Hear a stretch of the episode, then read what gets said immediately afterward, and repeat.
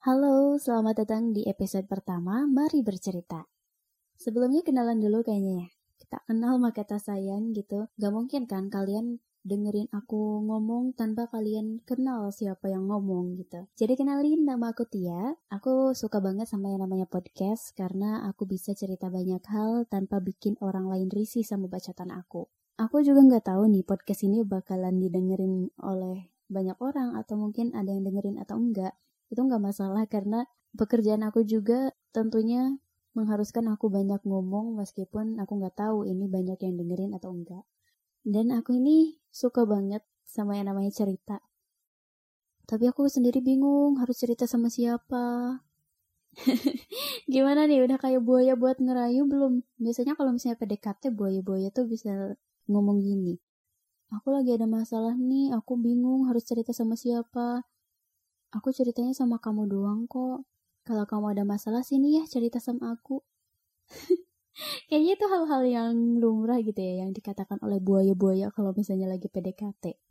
Tapi ada hal yang bikin aku heran. Kenapa ya orang-orang itu melabel kalau misalnya cowok atau cewek yang gombal ke banyak orang itu dibilangnya buaya.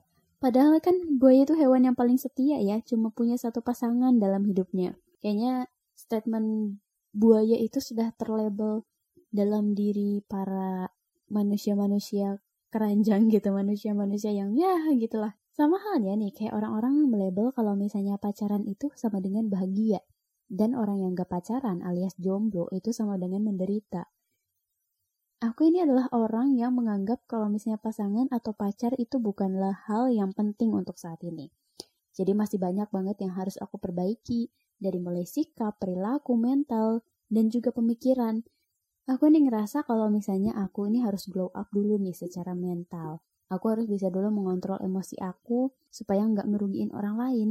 Sampai akhirnya nanti, suatu hari nanti gitu ya, aku ini bertemu dengan seseorang yang tepat yang bisa menerima aku apa adanya, yang bisa menerima semua kekurangan aku, yang bisa dengerin apa yang aku pengen ceritain tentang banyak hal karena aku ini kan balik lagi tadi orangnya nih suka banget sama yang namanya cerita terus bertemu dengan seseorang yang bisa diajak tukar pikiran untuk apa sih ke depannya langkah yang akan dibuat tentang masa depan, tentang karir, dan yang lain sebagainya.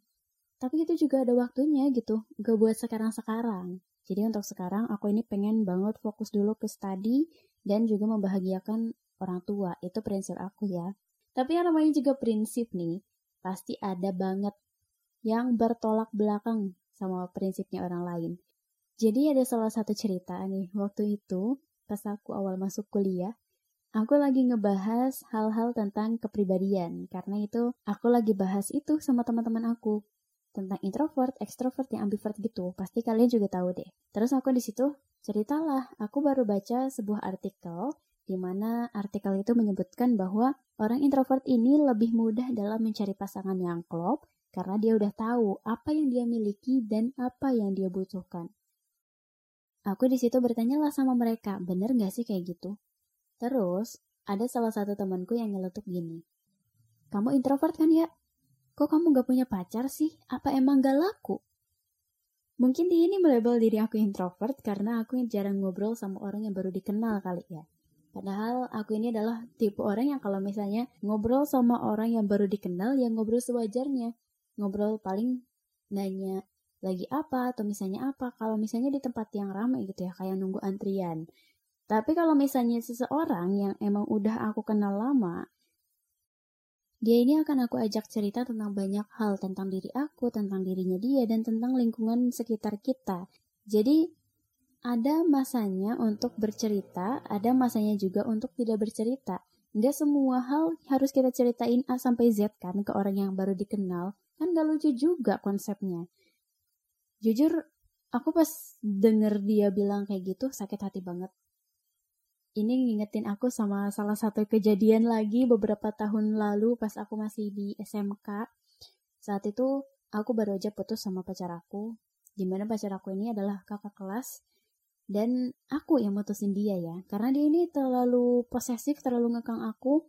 Masa baru aja dua hari jadian udah minjem handphone aku karena dia ini curiga apakah aku ada cowok lain atau aku selingkuh gitu. Padahal saat itu aku nih bingung gimana sih harus menyikapi dia sebagai pacar aku dan aku memang orangnya dingin gitu. Jadi aku merasa kayak, hah anjir, ngapain sih harus chattingan 24 per 7 gitu. Bahkan aku tuh salut banget sama orang-orang yang kayak teleponan bisa lama sampai berjam-jam gitu sama doi itu ngobrolin apa aja gitu. Terus pas abis putus, aku ceritalah sama temen aku. Temen aku ini yang udah aku anggap sebagai teman dekat ya. Aku bilang, ceritalah. Aku baru putus nih sama si ini. Malah temen yang udah aku anggap teman dekat itu, dia bilang sama aku gini. Udah mending kamu loh ya ada yang mau, kok malah diputusin?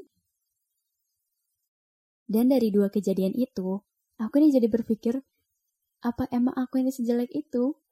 Cuma karena aku punya kulit yang gelap, terus badan aku juga nggak sebagus yang lain yang berisi depan belakang gitu. Jujur dari situ aku down banget dari dua kejadian itu.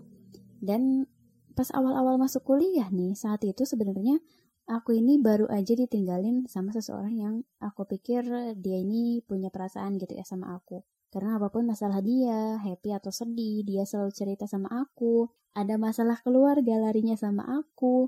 Ada hal yang harus diambil keputusannya, dia minta pendapat aku. Kita berproses sama-sama, kita juga sering konten sama-sama, kolaborasi bareng untuk menghasilkan sebuah karya. Sampai dia akhirnya bilang kalau dia ini udah taken sama orang lain. Dan pikiran aku saat itu penuh banget sama hal-hal yang seharusnya kayaknya aku nggak pikirin gitu. Kayak, kenapa aku harus ada di dunia ini? Kenapa aku harus lahir dengan fisiknya seperti ini? Dan hal-hal lain nih yang menjurus ke sebuah rasa bernama insecure dan merasa tidak layak untuk dicintai, disayangi oleh banyak orang, oleh siapa pun. Bahkan oleh teman-teman dan sahabat aku sendiri. Sampai pada akhirnya saat itu aku udah penuh banget pikirannya, udah gak sanggup lagi. Aku saat itu hampir mau suicide, tapi aku masih bisa ngendaliinnya. Dan aku ngobrol lah sama salah satu teman aku yang cowok. Di situ aku nanya sama dia, emang kalau misalnya cowok suka sama cewek itu selalu mandang fisik ya? Dan jawabannya dia ini bikin aku terkaget-kaget karena dia jawab, ya laki-laki itu mereka nggak selalu mandang fisik, tapi juga mereka mandang dari pemikiran. Ada laki-laki yang lebih suka sama cewek yang pemikirannya smart dibandingkan dengan good lookingnya.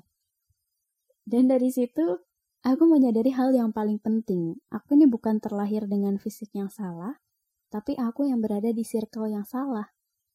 Di situ aku mulailah untuk menata pikiran aku, emosi aku, dan juga mulai berpikir, mungkin si tukang ghosting ini punya rasa biasa aja sama aku, cuman aku yang memang basicnya ini kesepian dari kecil, makanya merasa dia datang dan dia menjadikan aku sebagai tempat sandarannya, merasa dia ini memiliki perasaan yang spesial gitu sama aku. Dan aku ini cuma terobsesi aja sama dia. Tapi ya gitu, lumayan ya move on lumayan lama bertahun-tahun. Dan dari cerita-cerita di hidup aku, aku menyimpulkan kayak Jangan pernah menjudge orang lain atau berkata pada seseorang itu buruk, karena saat itu kita tuh nggak pernah tahu ya keadaan mentalnya gimana, dan kita juga nggak akan pernah tahu orang lain ini lagi ngerasain biasa aja, atau mungkin lagi down, atau mungkin lagi happy, bisa aja kan? Di luar dirinya dia hahaha happy banget, padahal aslinya dia tuh rapuh banget. Jadi saling menghargai itu adalah penting banget, dan dampaknya juga besar pada banyak orang. Dengan menghargai seseorang, tentunya kita juga bisa untuk memberikan secuil kebahagiaan untuk orang lain. Kita juga kan merasa bahagia kalau misalnya ada seseorang yang menghargai kita, ada yang menghargai usaha kita dan membuat kita ini menjadi pribadi yang lebih baik lagi tentunya kan. Dan menurut aku nih, punya pacar itu belum tentu bahagia karena kita bahagia itu kita yang ciptain sendiri. Kalau misalnya kita memandang dunia dengan baik, melakukan hal-hal yang bisa bikin kita bahagia, mengenal diri kita sendiri lebih dalam, lalu kita juga akan menemukan hal-hal kecil dalam diri kita yang membuat kita ini terkagum-kagum sampai bahagia banget gitu. Kayak aku pas waktu masih awal pandemi itu kan kita harus diharuskan untuk stay at home gitu ya. Dan dari situ aku bete lah, down lah, dan segala macamnya. Tiba-tiba ada salah satu content creator yang lewat ke beranda aku. Dia lagi impersonate seseorang dan aku mencoba. Kayaknya aku bisa deh. Dan aku inget-inget lagi ternyata aku itu pernah ngejokiin teman-teman aku untuk tugas animasi buat ngedabing. Dan dari situlah aku percaya kalau ada salah satu potensi diri aku yang harus aku gali lagi. Dan dari potensi itulah yang aku semakin gali lagi, yang semakin aku mencintai diri aku sendiri, menghasilkan aku menuntun aku ke sebuah pekerjaan yang saat ini sedang aku geluti. Ya mungkin untuk saat ini gitu ya. Hal-hal itu belum terlalu berarti kalau misalnya dilihat dari materi. Tapi aku melihatnya kayak aku melakukannya dengan senang hati dan dampaknya bahagia banget ke diri aku sendiri. Itu udah sesuatu yang berharga banget melebihi materi. Sekian dulu ya episode Mari Bercerita hari ini. Terima kasih yang sudah mendengarkan sampai akhir. Semoga ada yang bermanfaat walaupun secuil, seuprit, sebutiran debu gitu. sampai bertemu lagi di episode Mari Bercerita selanjutnya. See you!